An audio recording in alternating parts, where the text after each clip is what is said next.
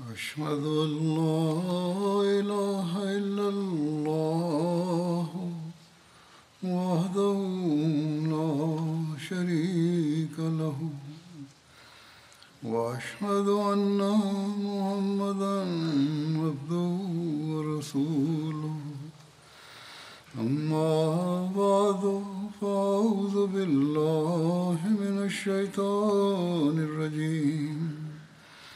بسم الله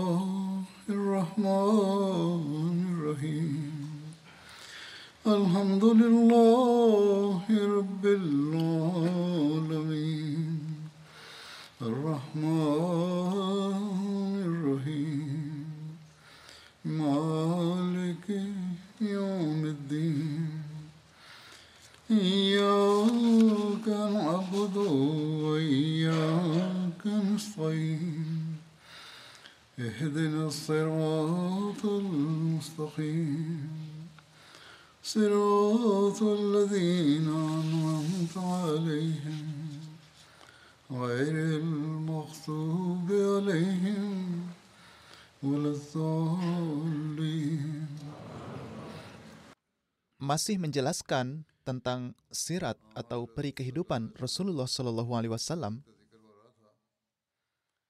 berkenaan dengan peristiwa Rasulullah Shallallahu Alaihi Wasallam ketika beliau menarik perhatian putri dan menantu beliau terhadap sholat tahajud, sebagaimana tertera dalam Sahih Bukhari sebagai berikut. Hazrat Ali bin Abi Talib meriwayatkan suatu hari Rasulullah Shallallahu Alaihi Wasallam mengunjungiku dan putri beliau Hazrat Fatimah radhiyallahu anha dan beliau bersabda, apakah kalian berdua sudah sholat tahajud? Saya menjawab, wahai Rasulullah Shallallahu Alaihi Wasallam, hidup kita ada di tangan Allah. Dia membangunkan kita kapan saja Dia menghendaki. Ini sehubungan dengan sholat tahajud. Hazrat Ali mengatakan bahwa beliau Shallallahu Alaihi Wasallam tidak menjawab ucapan saya ini dan beliau lantas pulang. Ketika beliau Shallallahu Alaihi Wasallam tengah pulang, saya mendengar beliau Shallallahu Alaihi Wasallam bersabda demikian seraya menepuk telapak tangan ke paha beliau. Wa kanal insanu aksaro syai'in jadala. Yakni manusia adalah makhluk yang paling banyak berdalih. Hazrat Muslim Maud radhiyallahu taala anhu dalam merinci peristiwa ini beliau menjelaskan suatu saat beliau di malam hari berkunjung ke rumah Hazrat Ali dan putri beliau yaitu Hazrat Fatimah dan bersabda, "Apakah kalian berdua telah mendirikan sholat tahajud, yakni sholat yang dijalankan di dekat waktu tengah malam?" Hazrat Ali menjawab, "Wahai Rasulullah, kami berupaya untuk menjalankannya, tetapi jika karena suatu kehendak Allah Ta'ala, mata kami masih tetap terpejam, maka kami tidak dapat menunaikan sholat tahajud." Lalu Rasulullah SAW bersabda, biasakanlah untuk sholat tahajud. Beliau lalu beranjak pulang ke rumah, dan di sepanjang perjalanan beliau terus mengulang-ulang, wa kanal insanu aksaru syai'in jadala. Ini merupakan ayat Al-Quran yang maknanya adalah manusia kebanyakan tidak suka untuk menerima kesalahannya, dan manusia menutupi kesalahannya dengan berbagai macam alasan. Artinya adalah Hazrat Ali dan Hazrat Fatimah, alih-alih mereka berdua mengatakan bahwa mereka pun terkadang melakukan kesalahan, lalu mengapa mereka menjawab bahwa jika Allah Ta'ala menghendaki maka dia akan membangunkan mereka, dan jika tidak maka mereka berdua tidak akan terbangun dan terus tertidur. Jadi, mengapa mereka menyalahkan wujud Allah Ta'ala? Dalam menjelaskan kejadian ini secara lebih lanjut, dalam satu tempat, Hazrat Muslim Maud bersabda, Hazrat Ali pernah menceritakan sebuah kejadian beliau sendiri yang darinya tampak jelas bahwa pada suatu kesempatan Hazrat Ali memberi jawaban kepada Rasulullah SAW dengan cara berdalih dan melawan. Namun bukannya Rasulullah SAW kesal atau menunjukkan kemarahan. Beliau justru menanggapinya dengan cara yang begitu halus, sehingga mungkin Hazrat Ali pun senantiasa menikmati indahnya ungkapan beliau ini hingga akhir hidupnya. Terlebih, adalah haknya juga untuk meraup manfaat darinya. Bahkan saat ini pun, kapan pun orang yang bijaksana memahami betapa indahnya cara Rasulullah Wasallam dalam mengungkapkan ketidaksenangan beliau ini, hal ini akan membuat mereka tercengang. Hazrat Ali karramallahu wajah meriwayatkan pada suatu malam Rasulullah Wasallam mengunjungi saya dan Fatimah Az-Zahra yang adalah putri Rasulullah Wasallam. Lalu beliau bertanya, apakah kalian berdua sudah melaksanakan sholat tahajud? Saya menjawab, wahai Rasulullah Wasallam, hidup kita ada di tangan Allah Taala dan kapan pun Dia ingin membangunkan kita, kita akan bangun. Setelah mendengar ini, Rasulullah Wasallam kembali tanpa berkata apa pun kepadaku. Kemudian ketika beliau Wasallam berbalik untuk pergi, beliau Wasallam memukul pahanya sendiri dan berkata, manusia sering kali berdebat tentang berbagai hal. Maha suci Allah, betapa luar biasa cara Rasulullah Wasallam menjelaskan kepada Hazrat Ali radhiyallahu an bahwa beliau seharusnya tidak memberikan tanggapan seperti ini. Kalau orang lain yang menanggapi, pertama-tama ia akan mulai berdebat, yaitu lihatlah posisi dan status saya dan lihat jawabanmu. Apakah kamu mempunyai hak untuk mengabaikan kata-kataku dengan cara seperti itu? Jika tidak demikian, maka sekurang-kurangnya ia akan mulai berdebat mengatakan, pernyataan kamu sepenuhnya salah bahwa manusia itu terpaksa dan bahwa semua tindakan mereka berada dalam kendali Allah dan bahwa dia memaksamu untuk bertindak sesuai kehendaknya. Jika dia menghendaki, dia memberimu taufik untuk sholat, dan jika tidak menghendaki, maka dia tidak memberikannya. Beliau Shallallahu Alaihi Wasallam bisa saja mengatakan bahwa pemaksaan sepenuhnya bertentangan dengan Al-Quran. Nabi Shallallahu Alaihi Wasallam bisa saja mengatakan semua ini, namun beliau Shallallahu Alaihi Wasallam tidak menggunakan kedua metode ini. Beliau juga tidak merasa kesal terhadapnya. Beliau Shallallahu Alaihi Wasallam juga tidak berdebat dengan Hazrat Ali untuk menyadarkannya akan kesalahannya. Sebaliknya, beliau Shallallahu Alaihi Wasallam bergerak ke satu sisi dan mengungkapkan keterkejutannya atas jawaban Hazrat Ali radhiyallahu an dengan bersabda, manusia itu sangat aneh. Mereka mengambil poin tertentu yang menguntungkan mereka dan kemudian mulai berdebat mengenai masalah tersebut.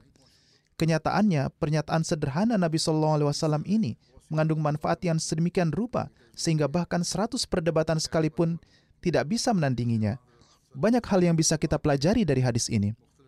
Hazrat Muslim Maud an menganalisa lebih lanjut mengenai hal apa saja yang tampak dari peristiwa ini, yang darinya aspek-aspek yang berbeda dari akhlak Nabi Shallallahu Alaihi Wasallam terungkap dan patut untuk disebutkan di sini.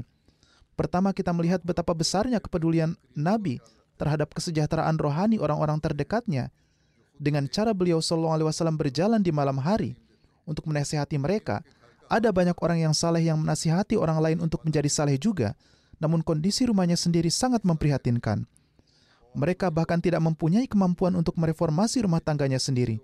Ada ungkapan terkenal mengenai orang-orang seperti itu, yaitu ada kegelapan di bawah lentera, yakni seperti halnya sebuah lentera menerangi segala sesuatu di sekelilingnya, namun kegelapan tetap berada di bawahnya.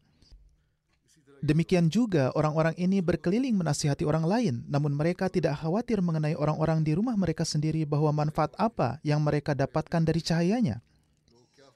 Namun Nabi Shallallahu Alaihi Wasallam sadar akan kenyataan bahwa kerabatnya harus diterangi oleh cahaya yang ingin beliau Shallallahu Alaihi Wasallam sebarkan ke seluruh dunia.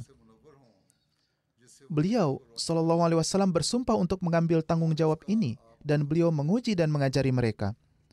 Tarbiyat terhadap sanak saudara adalah suatu kecakapan yang luar biasa, sehingga jika kualitas ini tidak ditemukan dalam diri Rasulullah Shallallahu Alaihi Wasallam, maka akan terjadi kekurangan yang signifikan dalam akhlak beliau. Namun karena beliau Shallallahu Alaihi Wasallam memiliki akhlak yang paling luhur, itulah sebabnya kecakapan ini banyak ditemukan dalam diri beliau. Hal kedua yang tampak adalah bahwa Nabi Shallallahu Alaihi Wasallam memiliki keyakinan penuh terhadap ajaran yang beliau Shallallahu Alaihi Wasallam sampaikan kepada dunia, dan beliau tidak meragukan ajaran ini sedikit pun. Beberapa orang menuduh bahwa nauzubillah Nabi Shallallahu Alaihi Wasallam merancang semua upaya ini untuk menipu seluruh dunia dan mendirikan kerajaannya. Para penentang Islam melontarkan tuduhan ini. Sebaliknya, beliau Shallallahu Alaihi Wasallam tidak menerima wahyu apa pun. Beberapa orientalis biasa menulis hal ini, dan orang-orang kafir pada masa Nabi Shallallahu Alaihi Wasallam juga sering mengatakan hal ini. Namun kenyataannya tidaklah demikian. Sebaliknya, Nabi Shallallahu Alaihi Wasallam memiliki keyakinan yang begitu kuat akan kenabian dan pengutusannya oleh Allah Taala, sehingga kita tidak dapat menemukan bandingannya di seluruh dunia. Karena dapat diasumsikan bahwa Rasulullah SAW mungkin berpura-pura untuk membuktikan kebenarannya kepada orang-orang, namun tidak dapat dibayangkan bahwa seseorang mendatangi putri dan menantunya terutama pada malam hari dan menanyakan apakah mereka juga melakukan bentuk ibadah ini, ibadah yang tidak wajib, yaitu nafal, melainkan ibadah yang Allah serahkan kepada kondisi masing-masing orang-orang mukmin dan yang dilaksanakan di tengah malam perginya Nabi Shallallahu Alaihi Wasallam keluar ketika itu dan mendorong putri dan menantu beliau untuk juga melaksanakan sholat tahajud merupakan bukti keyakinan penuh beliau Shallallahu Alaihi Wasallam atas ajaran yang ingin beliau Shallallahu Alaihi Wasallam sampaikan kepada masyarakat. Jika tidak, seorang pembohong yang mengetahui bahwa mengikuti atau menolak ajarannya adalah hal yang tidak penting, tidak akan pernah bisa menasihati anak-anaknya untuk mengamalkan ajaran tersebut dan itu dilakukan pada waktu yang tersembunyi. Jika mengikuti atau tidak mengikuti ajaran tersebut akan sama saja hasilnya. Maka orang seperti itu tidak akan bisa menasihati anak-anaknya untuk mengikuti ajarannya. Hal ini hanya dapat terjadi jika hati seseorang yakin bahwa kesempurnaan tidak dapat dicapai tanpa mengikuti ajaran tersebut. Hal ketiga yang menjadi alasan mengapa peristiwa ini diceritakan adalah karena Nabi Shallallahu Alaihi Wasallam menjelaskan segala sesuatunya dengan kesabaran yang luar biasa. Daripada bertengkar, beliau menunjukkan kesalahan orang lain dengan kecintaan dan kasih sayang. Pada kesempatan tersebut, Hazrat Ali radhiyallahu an berusaha menyanggah pertanyaan Nabi Shallallahu Alaihi Wasallam dengan mengatakan bahwa setelah seseorang tertidur, dia tidak mempunyai kendali atas kapan dia akan bangun orang yang sedang tidur memang tidak mempunyai kendali atas dirinya sendiri. Ketika seseorang sedang tidur, dia tidak mengetahui waktu untuk mengerjakan suatu pekerjaan. Jika Allah Ta'ala membangunkannya, dia akan sholat. Jika tidak, mau bagaimana lagi? Karena di zaman itu belum ada jam alarm. Tidaklah mengherankan bahwa ketika mendengar jawaban ini, Nabi SAW terkejut. Keimanan dalam hati beliau SAW tidak akan membiarkan dirinya begitu lalai sehingga melewatkan waktu sholat tahajud. Karena alasan inilah, Nabi SAW berpaling dan hanya berkata, manusia itu suka membantah dan berdebat. Dengan kata lain, beliau SAW bersabda bahwa Hazrat Ali radhiyallahu harus berusaha untuk tidak menyanyiakan waktu dan tidak boleh menyanggah apa yang dikatakan kepadanya. Oleh karena itu, Hazrat Ali karramallahu wajhah bersabda, setelah itu saya tidak pernah lagi lalai dalam melaksanakan sholat tahajud. Peristiwa ini hendaknya kita ingat untuk menarik perhatian kita terhadap sholat tahajud. Terutama para mubalik, para wakaf zindegi, dan pengurus harus secara khusus memperhatikan hal ini. Doa-doa yang dipanjatkan di waktu malam hari itulah yang secara efektif menarik karunia Allah Ta'ala dan saat ini doa-doa ini sangat penting untuk menyelamatkan dunia dari kehancuran. Dalam catatan sejarah, juga disebutkan tentang pertempuran Bani Kainuka yang terjadi pada tahun 2 Hijriah. Mengenai hal ini, tercatat bahwa setelah Rasulullah SAW hijrah ke Madinah, orang-orang kafir di Arab terpecah menjadi tiga kelompok – Kelompok pertama adalah mereka yang telah membuat perjanjian damai dengan Nabi Wasallam dengan syarat bahwa mereka tidak akan berperang melawan Nabi Wasallam dan mereka juga tidak akan mendukung musuh-musuh beliau Wasallam untuk melawan beliau. Ketiga suku Yahudi yaitu Banu Quraiza, Banu Nadir, dan Banu Kainuka ikut serta dalam perjanjian damai ini. Kelompok kedua adalah mereka yang menentang Nabi Wasallam dan mengobarkan perang melawan beliau. Kelompok ini adalah kaum Quraisy. Kelompok ketiga adalah mereka yang meninggalkan Nabi dan menunggu hasilnya, seperti suku-suku Arab lainnya. Suku-suku tersebut juga berbeda pendapatnya. Ada pula yang dalam hati menginginkan umat Islam menang, seperti Banu Khuza'ah. Ada pula yang berpendapat sebaliknya, misalnya orang-orang Bani Bakar. Ada juga beberapa suku yang tampak memihak umat Islam namun diam-diam mendukung musuhnya. Orang-orang tersebut termasuk orang-orang munafik. Ketika Nabi SAW tiba di Madinah, beliau mengadakan perjanjian damai dengan seluruh orang Yahudi. Ada perjanjian tertulis antara Nabi SAW dan suku-suku Yahudi. Suku-suku tersebut bergabung dengan sekutu mereka dan perjanjian perdamaian dibuat antara mereka dan Nabi SAW. Ada banyak syarat dalam perjanjian damai. Salah satunya adalah tidak mendukung musuh yang melawan Nabi. Hal ini mengacu pada perjanjian damai. Mengenai Banu Kainuka dan perannya dalam menyebarkan kekacauan, tercatat dalam catatan sejarah, Ibnu Ishaq mengatakan bahwa ada seorang lelaki tua bernama Sa'ad bin Kais yang memendam rasa permusuhan dan dendam yang besar di dalam hatinya terhadap umat Islam pada suatu kesempatan beberapa sahabat dari suku Aus dan Khazraj sedang berdiskusi dalam sebuah pertemuan. Saat bin Kais melewati mereka ketika ia menyaksikan kabilah-kabilah tersebut melupakan permusuhan yang pernah terjadi pada masa jahiliyah, lalu hidup rukun dan saling mencintai satu sama lain, ia terbakar dalam rasa cemburu dan secara spontan ia mengatakan, Banu Kayla, yaitu menyapa para pemimpin Bani Aus dan Khazraj yang telah bersatu, demi Allah, demi Allah jika orang-orang terhormat Aus dan Khazraj telah bersatu, maka kami tidak dapat tinggal di sini bersama mereka. Dia mencoba menghasut dan membuat marah mereka. Ia didampingi oleh seorang pemuda Yahudi. Ia memerintahkan para pemuda untuk duduk di antara mereka, membicarakan pertempuran Buas dan peristiwa-peristiwa lain di masa lalu dan membacakan beberapa bait yang ditulis sehubungan dengan peristiwa-peristiwa tersebut. Pertempuran Buas terjadi pada masa jahiliyah antara suku Aus dan Khazraj, di mana Aus menang atas Khazraj. Saat itu kepala suku Aus adalah Hudair bin Simak As'ali. Dia adalah ayah dari Hazrat Usaid radhiyallahu Kepala suku Khazraj adalah Amr bin Nu'man Bayazi. Kedua orang ini terbunuh dalam pertempuran tersebut. Pemuda Yahudi ini duduk di antara kaum muslim dan mengungkit hal itu untuk membuat marah dan menghasut mereka. Gejolak emosi suku Aus dan Khazraj yang telah mereda lagi menjadi berapi-api dan mereka menjadi marah. Mereka mulai bertengkar satu sama lain dan menyatakan keunggulan mereka satu sama lain permasalahan meningkat sedemikian rupa sehingga satu orang dari setiap suku berlutut di tanah dan saling berhadapan untuk berdebat dan berselisih. Pertentangan mereka semakin besar. Aus bin Kazih mewakili suku Aus, sedangkan Jabbar bin Sakhar mewakili suku Hazraj.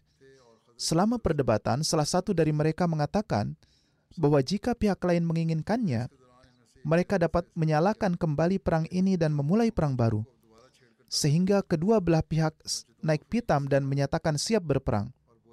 Di satu sisi mereka sudah memeluk Islam, namun di sisi lain masih ada sedikit kejahiliahan. Selanjutnya mereka berjanji akan berperang satu sama lain di Harrah. Madinah terletak di antara dua Harrah. Harrah berarti keadaan tanah Arab di sana yang berwarna hitam dan berbatu. Di sebelah timur Madinah ada Harrah Akim yang juga dikenal sebagai Harrah Banu Quraiza. Harrah lainnya terletak tiga mil di sebelah barat Madinah yang bernama Harratul Wabra. Di sebelah timur ada Harrah yang dikenal dengan nama Harrah Akim yang juga dikenal dengan nama Harrah Banu Quraiza. Harrah lainnya adalah Harratul Wabrah yang menghadap ke arah barat. Ada satu yang mengarah ke timur dan satu lagi yang mengarah ke barat. Ketiga wilayah tersebut dipisahkan oleh jarak tiga mil. Sementara itu ada slogan senjata-senjata. Setelah ini suasana menjadi sangat panas dan kedua belah pihak mulai mempersiapkan perang dengan penuh semangat. Ketika waktu ditentukan tiba, orang-orang dari kedua suku berangkat menuju Harrah. Hampir mungkin terjadi pertempuran berdarah, namun Allah menghendaki agar berita mengenai hal ini sampai kepada Nabi SAW. Mengetahui hal tersebut, beliau segera mengumpulkan beberapa sahabat muhajir dan berangkat menuju masyarakat Aus dan Khazraj. Sembari menyapa mereka dengan penuh bijak, beliau Shallallahu Alaihi Wasallam bersabda, Allah Allah, kalian telah kembali ke jalan jahiliyah padahal aku hadir di antara kalian dan bahkan setelah Allah memberi petunjuk kepada kalian menuju Islam. Kalian telah dianugerahi kehormatan melalui Islam. Bekas-bekas jahiliyah kalian telah sepenuhnya dilenyapkan. Kalian telah diberi keselamatan dari kekafiran dan rasa cinta terhadap satu sama lain telah ditanamkan di hati kalian. Terlepas dari semua ini, kalian malah kembali lagi pada kondisi lama kalian.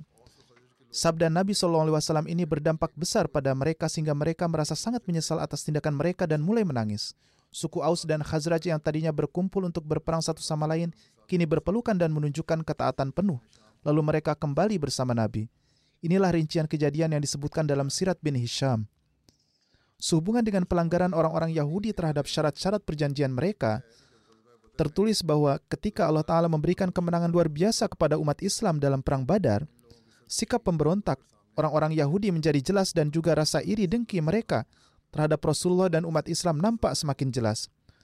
Karena permusuhan dan kebencian mereka, mereka mengakhiri perjanjian mereka dan mulai berkata, Wahai Muhammad, Sallallahu Alaihi Wasallam, Anda pikir kami seperti bangsa Anda? Janganlah Anda berpikiran keliru bahwa Anda pernah berperang melawan suatu kaum yang tidak mengetahui ilmu perang maka kamu dapat mengalahkan mereka. Maksudnya mengacu pada pertempuran Badar di mana umat Islam mengalahkan orang-orang kafir Mekah. Namun kami berani, demi Tuhan, jika uh, kamu berperang melawan kami, kamu akan mengetahui bahwa kamilah laki-laki sejati. Di antara tiga suku Yahudi yang pertama melanggar perjanjian dan menunjukkan pengkhianatan adalah Banu Kainuka. Terkait kelakuan keji mereka, ada juga kejadian di mana mereka melecehkan seorang wanita Muslim. Tertulis bahwa di samping permusuhan mereka terhadap Nabi Wasallam, peristiwa lain yang terjadi adalah istri seorang sahabat Ansar yang tengah membawa barang dagangannya ke pasar Bani Kainuka, yakni hewan ternak seperti unta dan kambing sehingga ia bisa menjualnya dan memperoleh keuntungan darinya. Wanita tersebut menjual barang-barangnya di pasar Banu Kainuka dan kemudian pergi ke toko perhiasan Yahudi dan duduk di sana melihat beberapa perhiasan sambil menutupi wajah dan tubuhnya. Dalam kejadian itu, beberapa pria Yahudi yang jahat dan bejat mendesak agar wanita itu memperlihatkan wajahnya namun dia menolak. Setelah itu, pemilik toko perhiasan berdiri dan diam-diam mengikat ujung kain penutup tubuhnya dengan sesuatu di belakangnya. Menurut riwayat lain disebutkan bahwa dia menempelkan salah satu bagian pakaian luarnya dengan paku atau duri. Wanita itu sama sekali tidak menyadari hal ini dan ketika ia berdiri untuk pergi, pakaiannya terlepas karena terikat pada sesuatu dan nampak bagian tubuhnya lalu orang-orang Yahudi mulai menertawakan hal ini. Karena tindakan tidak bermoral ini, wanita itu mulai berteriak. Kebetulan seorang pria muslim sedang berjalan melewatinya Begitu dia melihat tindakan nakal orang-orang Yahudi ini, pria Muslim itu melompat ke arah toko perhiasan si Yahudi dan membunuhnya dengan pedangnya. Setelah ini orang-orang Yahudi menyerang pria Muslim itu dan membunuhnya. Menyusul kejadian ini, umat Islam sangat marah terhadap Bani Kainuka. Nabi Shallallahu Alaihi Wasallam menyatakan bahwa tidak ada kesepakatan antara umat Islam dan suku ini untuk tindakan tersebut. Atas hal ini Hazrat Ubaidah bin Samit radhiyallahu an menyatakan, "Ya Rasulullah sallallahu alaihi wasallam, saya bersama Allah, Rasulnya sallallahu alaihi wasallam dan umat Islam dan saya tidak lagi bertanggung jawab atas perjanjian ini." Nabi sallallahu alaihi wasallam mencoba menasihati Bani Kainuka, namun bukannya berusaha memahami permasalahannya, mereka malah mulai memberikan ancaman secara terbuka. Rinciannya sehubungan dengan hal ini adalah sebagai berikut.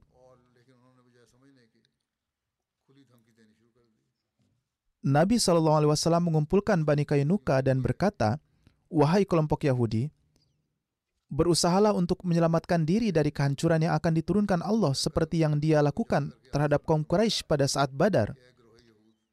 Maka tunjukkanlah ketaatan karena kamu mengetahui bahwa aku berasal dari Allah Ta'ala dan aku adalah Rasulnya. Dan kebenaran ini kamu temukan dalam kitab sucimu dan dalam perjanjian yang Allah ambil darimu. Atas hal ini mereka menjawab, Wahai Muhammad Sallallahu Alaihi Wasallam, anda mungkin berpikir bahwa kami seperti orang-orang Anda. Janganlah kamu tertipu karena kamu pernah berperang melawan kaum yang tidak menguasai ilmu perang, sehingga kamu dapat dengan mudah mengatasinya. Namun demi Tuhan, jika Anda berperang melawan kami, Anda akan mengetahui bagaimana keberanian yang sebenarnya. Dalam riwayat lain disebutkan bahwa ketika Nabi Shallallahu Alaihi Wasallam mengetahui pelanggaran perjanjian yang dilakukan oleh orang-orang Yahudi pada saat Badar, Nabi Shallallahu Alaihi Wasallam mengumpulkan Bani Kainuka di pasar dan memperingatkan mereka, dan konon tanggapan mereka adalah menanggapi peringatan tersebut. Kemudian orang-orang Yahudi Bani Kainuka berangkat dari sana dan masuk ke dalam benteng mereka. Setelah semua ini terjadi, mereka pergi dan masuk ke benteng mereka. Nabi Shallallahu Alaihi Wasallam berangkat menuju mereka dan menunjuk Hazrat Abu Lubabah sebagai wakilnya di Madinah bendera Rasulullah berwarna putih dan diserahkan kepada pamannya, Hazrat Hamzah radhiyallahu an. Selanjutnya Bani Kainuka dikepung. Mengenai rinciannya disebutkan bahwa Nabi Shallallahu Alaihi Wasallam melakukan pengepungan ketat terhadap orang-orang Yahudi di Bani Kainuka selama 15 hari. Beliau berangkat untuk perjalanan ini pada tanggal 15 Syawal dan menetap di sana sampai bulan baru Zulkaidah. Allah Ta'ala menanamkan rasa takut terhadap kaum muslim dalam hati mereka. Dari Bani Kainuka, 400 prajurit dikerahkan untuk melindungi benteng dan 300 orang mengenakan baju besi. Akhirnya orang-orang Yahudi menjadi frustasi karena pengepungan tersebut dan mengirimkan permohonan kepada Nabi Shallallahu Alaihi Wasallam bahwa jika beliau mengizinkan mereka melewati jalan yang aman, mereka akan meninggalkan Madinah selamanya. Mereka meminta untuk mengampuni wanita dan anak-anak mereka dan agar mereka meninggalkan kekayaan dan harta benda mereka. Ini termasuk semua kekayaan, senjata, dan lain-lain. Nabi SAW menerima usulan ini dan memerintahkan mereka untuk meninggalkan Madinah. Hal ini telah disebutkan dalam sirah Al-Halabiyah. Dalam sebagian besar biografi Nabi SAW terdapat riwayat mengenai Abdullah bin Ubay bin Sulul yang di dalamnya disebutkan bahwa ia mengunjungi Nabi berkali-kali. Karena ia adalah sekutu Bani Kainuka, ia terus-menerus berusaha menjadi perantara atas nama Bani Kainuka dan memohon kepada Nabi SAW melalui berbagai cara dengan harapan bahwa beliau akan memaafkan Banu Kainuka dengan tidak membunuh mereka dan membiarkan mereka pergi dan mengampuni mereka. Dari riwayat ini memberikan kesan bahwa Nabi SAW telah memutuskan untuk membunuh mereka, namun karena permohonan terus-menerus dari Abdullah bin Ubay, mereka diampuni. Namun, hal ini tidaklah benar beliau Shallallahu Alaihi Wasallam tidak pernah berniat membunuh mereka dan bahkan para wanita atau anak-anak mereka. Sesungguhnya riwayat-riwayat seperti ini adalah meragukan. Maka dari itu, dalam menyimpulkan riwayat-riwayat seperti demikian, seorang sejarawan bernama Syed Barakat Ahmad menulis dalam bukunya, setelah orang-orang Yahudi meletakkan senjatanya dan Abdullah bin Ubay mendatangi Huzur Sallallahu Alaihi Wasallam dan berkata, Tolong bersikap lunaklah kepada orang-orangku. Rasulullah SAW bersabda, Semoga kamu dihancurkan, tinggalkan aku. Abdullah bin Ubay menjawab, Sama sekali tidak, demi Tuhan, aku tidak akan melepaskanmu sampai Anda meyakinkanku bahwa Anda akan memperlakukan orang-orangku dengan baik. Akankah kamu membunuh mereka? Aku bersumpah demi Tuhan bahwa aku yakin keadaan akan berubah. Atas hal ini Rasulullah SAW bersabda, Baiklah jika demikian, bawalah mereka bersamamu. Ibnu Ishaq, Wakidi, dan Ibnu Sa'ad, mereka bertiga telah menulis kejadian ini dan dengan membaca ketiga riwayat mereka, ini memberikan kesan bahwa seolah Abdullah bin Ubay memiliki pengaruh besar atas Rasulullah Shallallahu Alaihi Wasallam. Namun sesungguhnya kata-kata yang diucapkan oleh Abdullah bin Ubay dalam permohonannya terkesan meragukan. Dalam riwayat Ibnu Ishaq, sama sekali tidak tampak dari sabda Rasulullah SAW bahwa beliau telah berniat membunuh Bani Kainuka. Jadi tidak terbukti dari satu sejarawan ini. Namun di dalam Wakidi terdapat isyarat kepada niatan seperti itu. Dan Ibnu Sa'ad pun telah menyebutkan hal yang sama. Tetapi dalam hal ini kita harus ingat bahwa meskipun beliau Shallallahu Alaihi Wasallam adalah seorang pemimpin politik, beliau tidak pernah bersikap kasar terhadap seluruh musuh beliau. Beliau tidak menyukai kekerasan, dan jika beliau menginjakkan kaki di medan perang, itu sesungguhnya hanya karena beliau terpaksa melakukannya. Bahkan di medan perang pun beliau berupaya menghindari pertumpahan darah yang tidak perlu. Alhasil, terjadilah pengepungan dan pada akhirnya Bani Kainuka sendiri yang meminta perlindungan dan karena itulah maka Bani Kainuka diasingkan. Rinciannya adalah sebagai berikut. Sesuai permohonan mereka sendiri, maka suku Yahudi ini diasingkan. Rasulullah SAW menunjuk Hazrat Ubadah bin Samit untuk mengawasi pengaturan pemberangkatan mereka dan memberi mereka waktu tiga hari untuk meninggalkan Madinah. Maka dari itu mereka pun meninggalkan Madinah dalam waktu tiga hari. Menurut salah satu riwayat, orang-orang Yahudi meminta waktu lebih lama. Namun Rasulullah SAW tidak memberi mereka satu jam pun lebih lama dan menyuruh mereka pergi di bawah pengawasan beliau sendiri. Mereka meninggalkan Madinah menuju Azriyat, nama sebuah kota di daerah Syam. Menurut salah satu riwayat, Hazrat Muhammad bin Maslamah ditugaskan untuk mengawasi kepergian mereka. Bukan tidak mungkin keduanya ditugaskan untuk mengawasi pengasingan tersebut. Alhasil, ketika orang-orang Yahudi itu pergi, banyak senjata ditemukan. Hal ini karena di antara suku-suku Yahudi mereka adalah yang terkaya dan juga yang paling berani dan terampil dalam peperangan. Dari antara senjata-senjata tersebut, beliau Shallallahu Alaihi Wasallam memilih tiga busur, dua baju zirah, tiga pedang, dan tiga tombak untuk beliau. Nama-nama busur panah itu adalah Kutum, Rawahah, dan Baida. Kutum hancur dalam perang Uhud. Ada dua baju zirah yang diberi nama Sagdiah dan Fidda. Selain itu ada tiga tombak dan tiga pedang. Satu pedang bernama Wali, pedang yang satu lagi bernama Batar. Sedangkan pedang yang ketiga tidak memiliki nama. Hal ini diriwayatkan dalam Sirah Al-Halabiyah mengenai Gazwa atau Perang Bani Kainuka tertera dalam buku Sirat Khataman Nabiyin sebagai berikut. Ketika Rasulullah SAW hijrah dari Mekah dan tiba di Madinah, saat itu ada tiga suku di Madinah beragama Yahudi yang mendiami. Suku-suku itu adalah Banu Kainuka, Banu Nazir, dan Banu Quraiza. Segera setelah Rasulullah SAW tiba di Madinah, beliau membuat perjanjian perdamaian dengan suku-suku ini dan meletakkan dasar bagi kehidupan bersama yang aman dan damai. Berdasarkan perjanjian, semua pihak bertanggung jawab menjaga perdamaian dan keamanan di Madinah. Dan jika ada musuh mana pun yang menyerang Madinah, semua pihak secara bersama-sama bertanggung jawab untuk pertahanannya. Pada awalnya, kaum Yahudi mematuhi perjanjian tersebut, dan setidaknya secara terbuka tidak menimbulkan perselisihan dengan kaum Muslim – namun ketika mereka mulai menyadari bahwa umat Islam terus memperoleh kekuatan di Madinah, mereka mulai mengubah sikap mereka dan bertekad untuk mengakhiri pertumbuhan kekuatan umat Islam ini. Untuk mencapai tujuan ini, mereka mulai menggunakan berbagai cara, bahkan dengan cara yang keji, dan mereka berupaya sedemikian rupa sehingga mereka tidak ragu untuk menciptakan perpecahan di kalangan umat Islam dan kemudian memicu perang saudara. Oleh karena itu, ada riwayat bahwa pada suatu kesempatan sekelompok besar orang dari suku Aus dan Khazraj sedang duduk bersama dan berbincang dengan penuh cinta dan persatuan.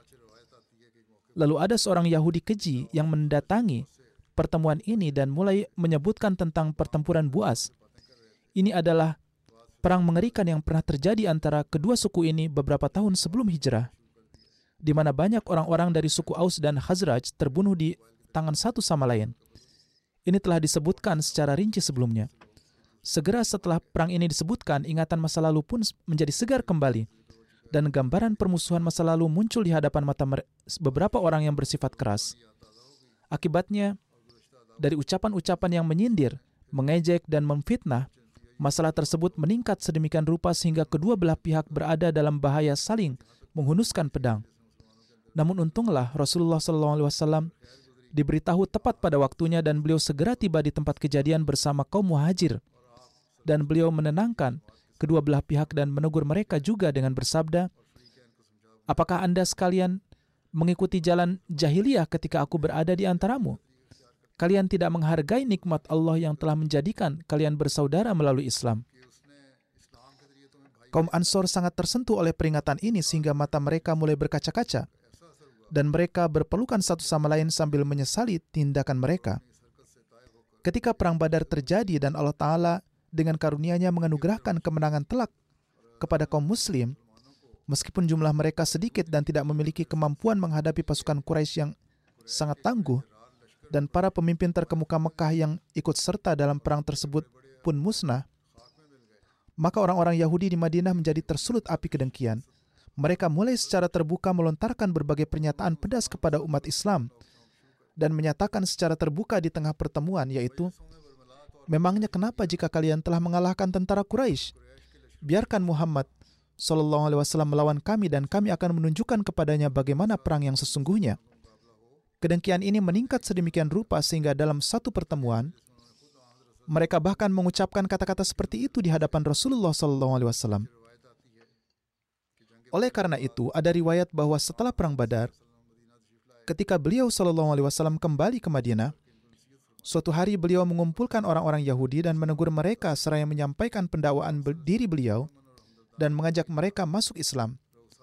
Para pemimpin Yahudi menanggapi pidato damai dan penuh belas kasih dari Rasulullah SAW ini dengan kata-kata berikut. Wahai Muhammad SAW, tampaknya Anda mungkin menjadi sombong setelah membunuh beberapa orang Quraisy. Orang-orang itu tidak berpengalaman dalam perang.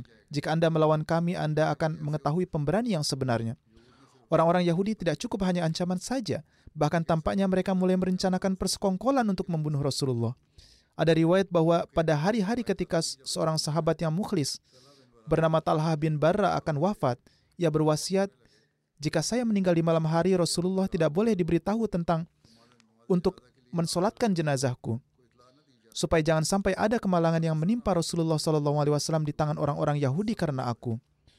Oleh karena itu, setelah perang Badar, orang-orang Yahudi secara terbuka mulai mengobarkan kekisruhan. Dan di antara kaum Yahudi di Madinah karena Banu Kainuka adalah yang paling kuat dan berani, merekalah yang pertama kali melanggar perjanjian tersebut. Karena itu para sejarawan menulis, di antara kaum Yahudi di Madinah, Bani Kainuka adalah yang pertama melanggar perjanjian yang telah disepakati antara mereka dan Rasulullah.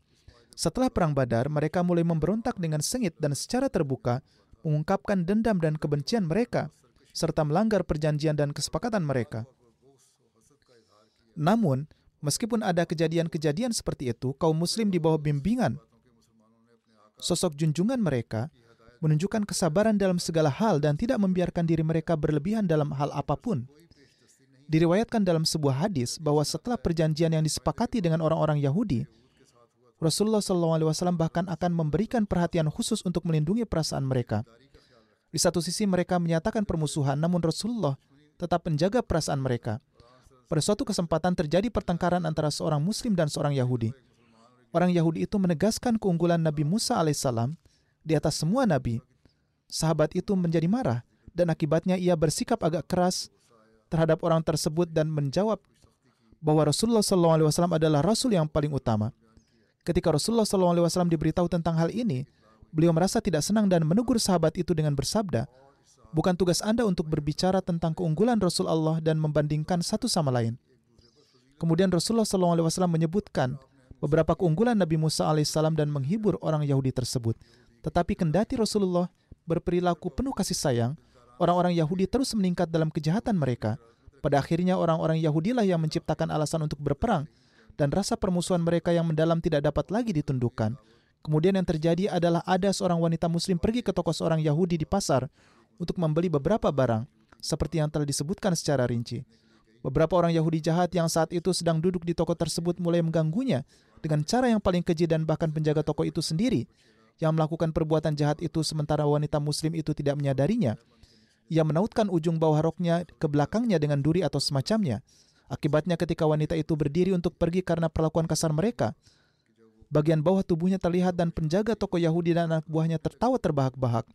Karena marah, wanita muslim itu berteriak meminta bantuan. Kebetulan ada seorang muslim di dekatnya. Ia berlari ke tempat kejadian dan dalam pertengkaran, penjaga toko Yahudi itu terbunuh. Atas hal ini orang muslim tersebut dihujani pedang dari berbagai arah dan orang muslim itu pun terbunuh.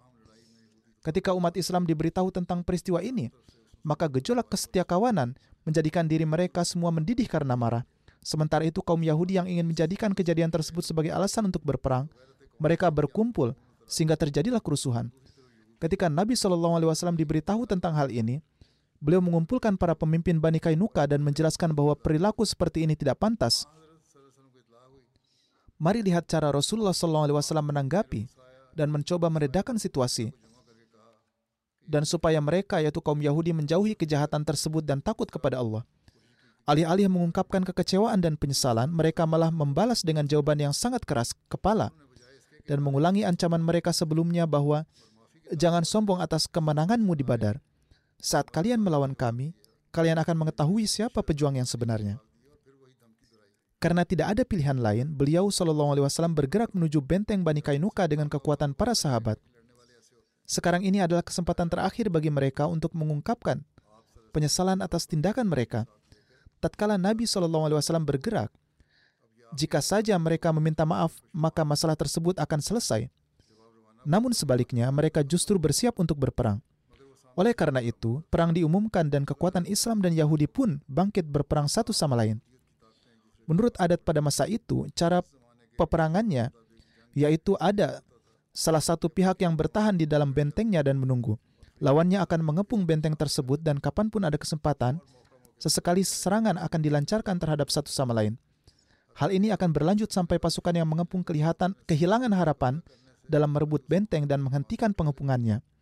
Dan ini akan dianggap sebagai kemenangan bagi pihak yang dikepung atau karena tidak mampu mengumpulkan kekuatan untuk menangkis kepungan atau serangan yang gencar, pasukan yang terkepung akan membuka gerbang benteng mereka dan menyerahkan diri kepada pihak yang menang.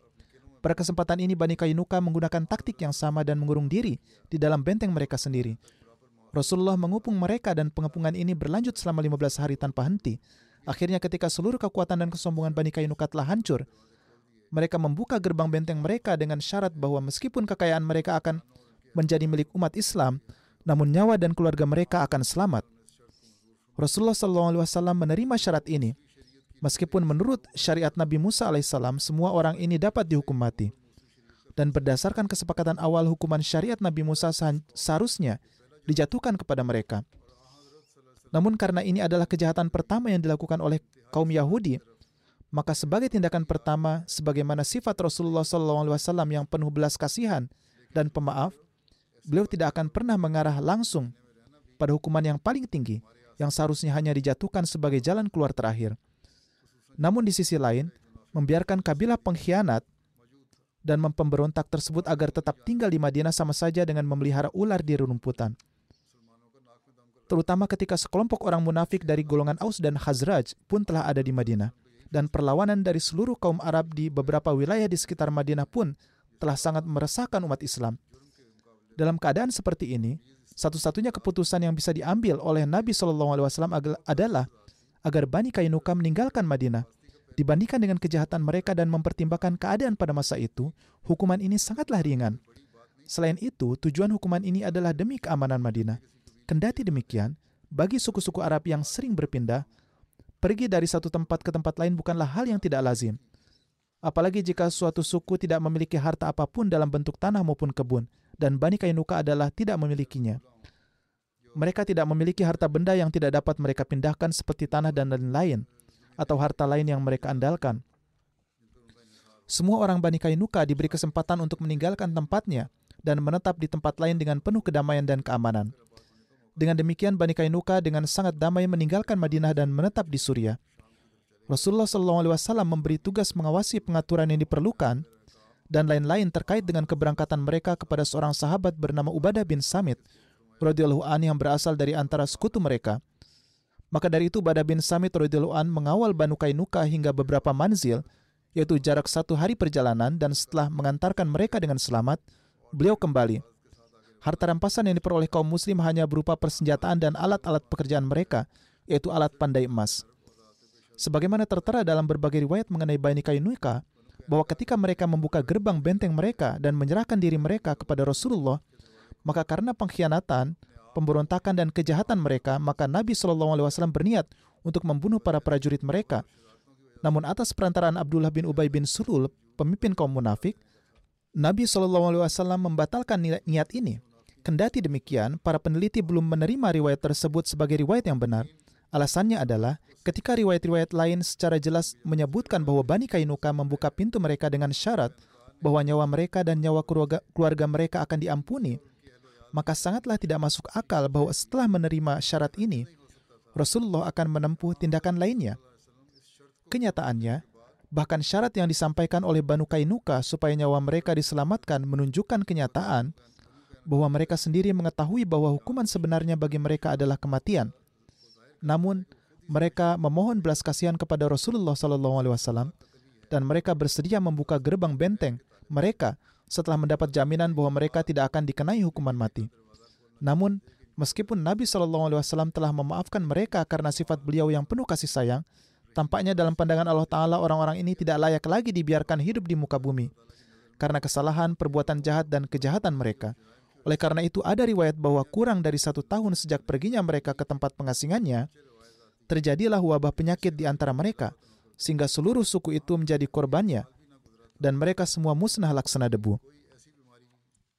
Ada sedikit perbedaan pendapat mengenai tanggal Gazuah atau Perang Bani Kainuka. Wakidi dan Ibnu Sa'ad menyatakan bahwa peristiwa ini terjadi pada bulan Syawal 2 Hijriah. Dan para sejarawan masa kini pun mengikuti jejak tersebut. Namun Ibnu Ishaq dan Ibnu Hisham menempatkannya setelah Ghazwah Sawik dan dipastikan terjadi pada bulan Zulhijjah 2 Hijriah. Isyarat ini juga terdapat pada salah satu riwayat hadis yang menetapkan bahwa Ghazwah Banu Kainuka terjadi setelah Rustanah Hazrat Fatimah radhiyallahu anha. Dalam riwayat ini disebutkan bahwa untuk mengumpulkan biaya walimah, Hazrat Ali radhiyallahu an mengusulkan untuk membawa serta seorang tukang emas Yahudi dari Bani Kainuka dan pergi ke hutan sehingga beliau bisa mendapatkan rumput yang dikenal sebagai inkar dan kemudian menjualnya kepada pengrajin emas di Madinah. Hal ini membuktikan bahwa sampai Ruhstanah Hazrat Fatimah radhiyallahu anha yang menurut seluruh sejarawan terjadi sekitar bulan Zulhijjah 2 Hijriah, saat itu Banu Kainuka masih ada di Madinah. Berdasarkan pendapat inilah Hazrat Mirza Bashir Ahmad Saib menuturkan, maka saya tempatkan Gazwah Banu Kainuka pada akhir tahun 2 Hijriah setelah Gazwa Sawik dan Satana Hazrat Fatimah radhiyallahu anha. Pada kesempatan ini patut juga disebutkan bahwa ketika menjelaskan penyebab terjadinya Gazwah Banu Kainuka, Mr. Margoliet telah menulis sendiri pendapat yang paling aneh dan tidak lazim dan sesuai kemauannya sendiri. Dan bahkan tidak disinggung sedikit pun dalam riwayat mana pun. Ada riwayat dalam Bukhari bahwa dalam keadaan mabuk, sampai saat itu minum khamar belum dilarang, Hazrat Hamzah membunuh dua ekor unta milik Hazrat Ali yang ia terima dari rampasan Perang Badar. Ia menautkan kejadian terpisah ini dengan Gazwah Bani Kainuka tanpa bukti sejarah apa pun. Dan Mr. Margolit menulis bahwa Nabi SAW menyerang suku Bani Kainuka agar harta rampasan tersebut dapat mengganti kerugian yang diderita oleh Hazrat Ali an. Jadi ini tanpa dasar menghubung-hubungkan kisah ini. Keberanian dalam penulisan sejarah mungkin merupakan suatu hal yang hanya dimiliki olehnya. Lebih menariknya lagi, Tuan Margolit sendiri mengakui bahwa ia menambahkan ini berdasarkan perkiraannya sendiri. Artinya dia tidak dapat mendapatkan rujukan apa pun tetapi itu berdasarkan perkiraannya sendiri. Tidak ada alasan untuk berperang melawan suku tersebut demi dua ekor unta. Pemikirannya sangatlah aneh. Kebencian dan dendam yang dipendam oleh para orientalis dan sejarawan non-muslim terhadap Islam adalah begitu besar sehingga mereka dengan mudah menyajikan suatu sejarah Islam yang sepenuhnya menyimpang dan hal ini terlihat dalam banyak contoh. Namun kisah-kisah lain yang berkaitan dengan hal ini akan disebutkan di kemudian hari insya Allah. Saya ingin mengingatkan Anda semua untuk berdoa mengingat situasi dunia saat ini. Akibat perang antara Hamas dan Israel, angka kematian perempuan dan anak-anak Palestina yang tidak bersalah terus meningkat. Cepatnya pergerakan perang yang semakin meningkat dan kebijakan-kebijakan yang dimiliki oleh Israel dan negara-negara besar di dunia membuat perang dunia menjadi suatu kenyataan yang akan segera terjadi. Kini, para pemimpin beberapa negara muslim sudah mulai menyatakan secara terbuka. Begitu pula Rusia, Tiongkok, dan bahkan pengamat barat menyatakan bahwa cakupan perang ini tengah semakin besar.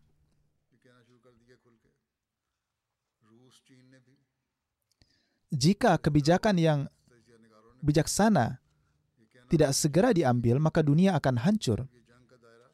Semuanya telah muncul di berita, dan Anda semua mengetahui situasinya. Oleh karena itu, para Ahmadi harus menekankan diri pada doa. Janganlah menjadi rileks atau santai. Setidaknya ada satu sujud dalam setiap solat, atau setidaknya ada satu sujud dalam salah satu solat yang harus khusus diperuntukkan untuk berdoa terkait keadaan ini. Tidak ada pemimpin di negara barat mana pun yang ingin bertindak adil dalam masalah ini, dan mereka juga tidak berani mengatakan apa pun.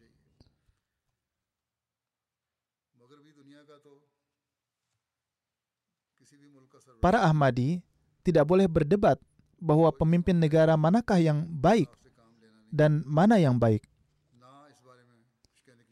Dan janganlah berbicara menentang kaum muslim, karena ini semua adalah hal yang sia-sia. Selama tidak ada yang memiliki keberanian untuk berupaya mengakhiri perang ini, maka merekalah yang bertanggung jawab mengarahkan dunia menuju kehancuran. Oleh karena itu, seiring dengan memanjatkan doa, Anda harus berupaya menyebarkan pesan ini ke lingkungan sekitar Anda bahwa ketidakadilan harus diakhiri. Jika seorang Ahmadi memiliki hubungan dengan orang lain, maka ia harus menyampaikannya dan menjelaskan hal ini kepada mereka. Inilah keberanian. Inilah standar dalam menaati perintah Allah Ta'ala. Perwakilan pemerintah Israel mengatakan bahwa Hamas telah membunuh warga sipil mereka yang tidak bersalah, sehingga mereka akan membalas dendam. Namun kini balas dendam ini telah melampaui batas. Jumlah korban jiwa warga Palestina telah empat hingga lima kali lebih banyak dibandingkan dengan jumlah korban jiwa warga Israel yang dilaporkan. Jika target mereka adalah memberantas Hamas, seperti pengakuan mereka, maka mereka harus berperang langsung dengan Hamas. Mengapa mereka mengikut sertakan perempuan, anak-anak, dan orang lanjut usia? Selain itu, mereka telah merampas hak air, makanan, dan bantuan obat-obatan bagi warga Gaza.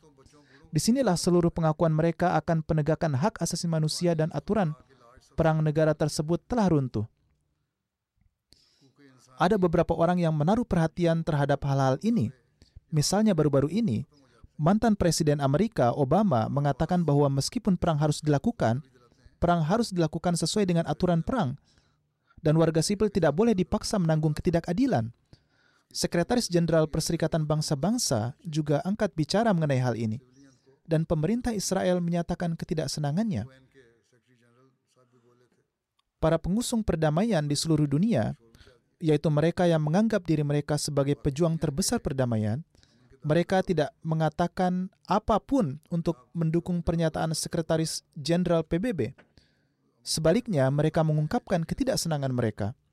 Apa pun masalahnya, situasinya adalah genting dan terus menjadi semakin genting. Media Barat secara terus-menerus menyebarkan hanya satu sisi berita dan menyajikan sisi lain secara singkat di sudut saja. Misalnya, baru-baru ini, di antara perempuan yang dibebaskan oleh Hamas, ada seorang perempuan yang mengatakan bahwa dia diperlakukan dengan baik selama di penjara. Laporan ini disudutkan oleh mereka. Sementara pernyataan lain bahwa pemenjaraan di bawah Hamas adalah suatu neraka terus-menerus menjadi berita utama.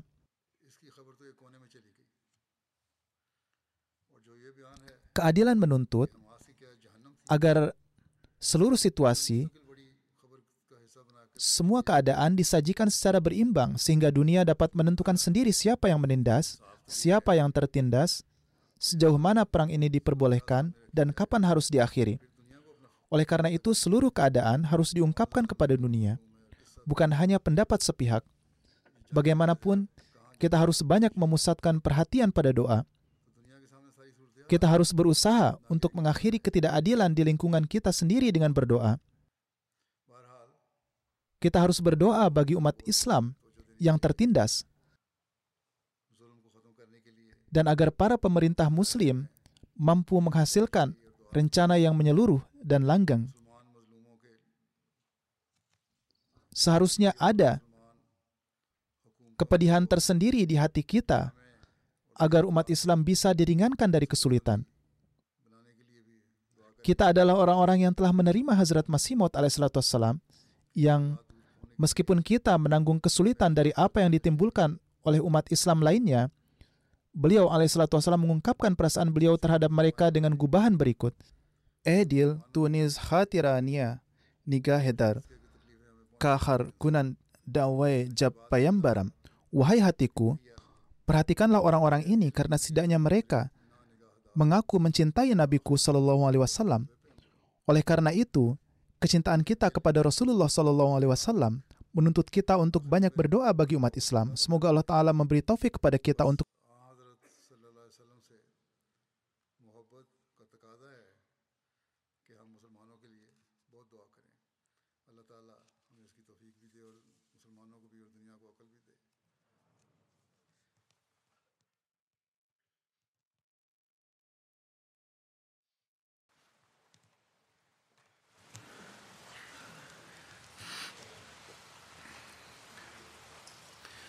الحمد لله الحمد لله نحمده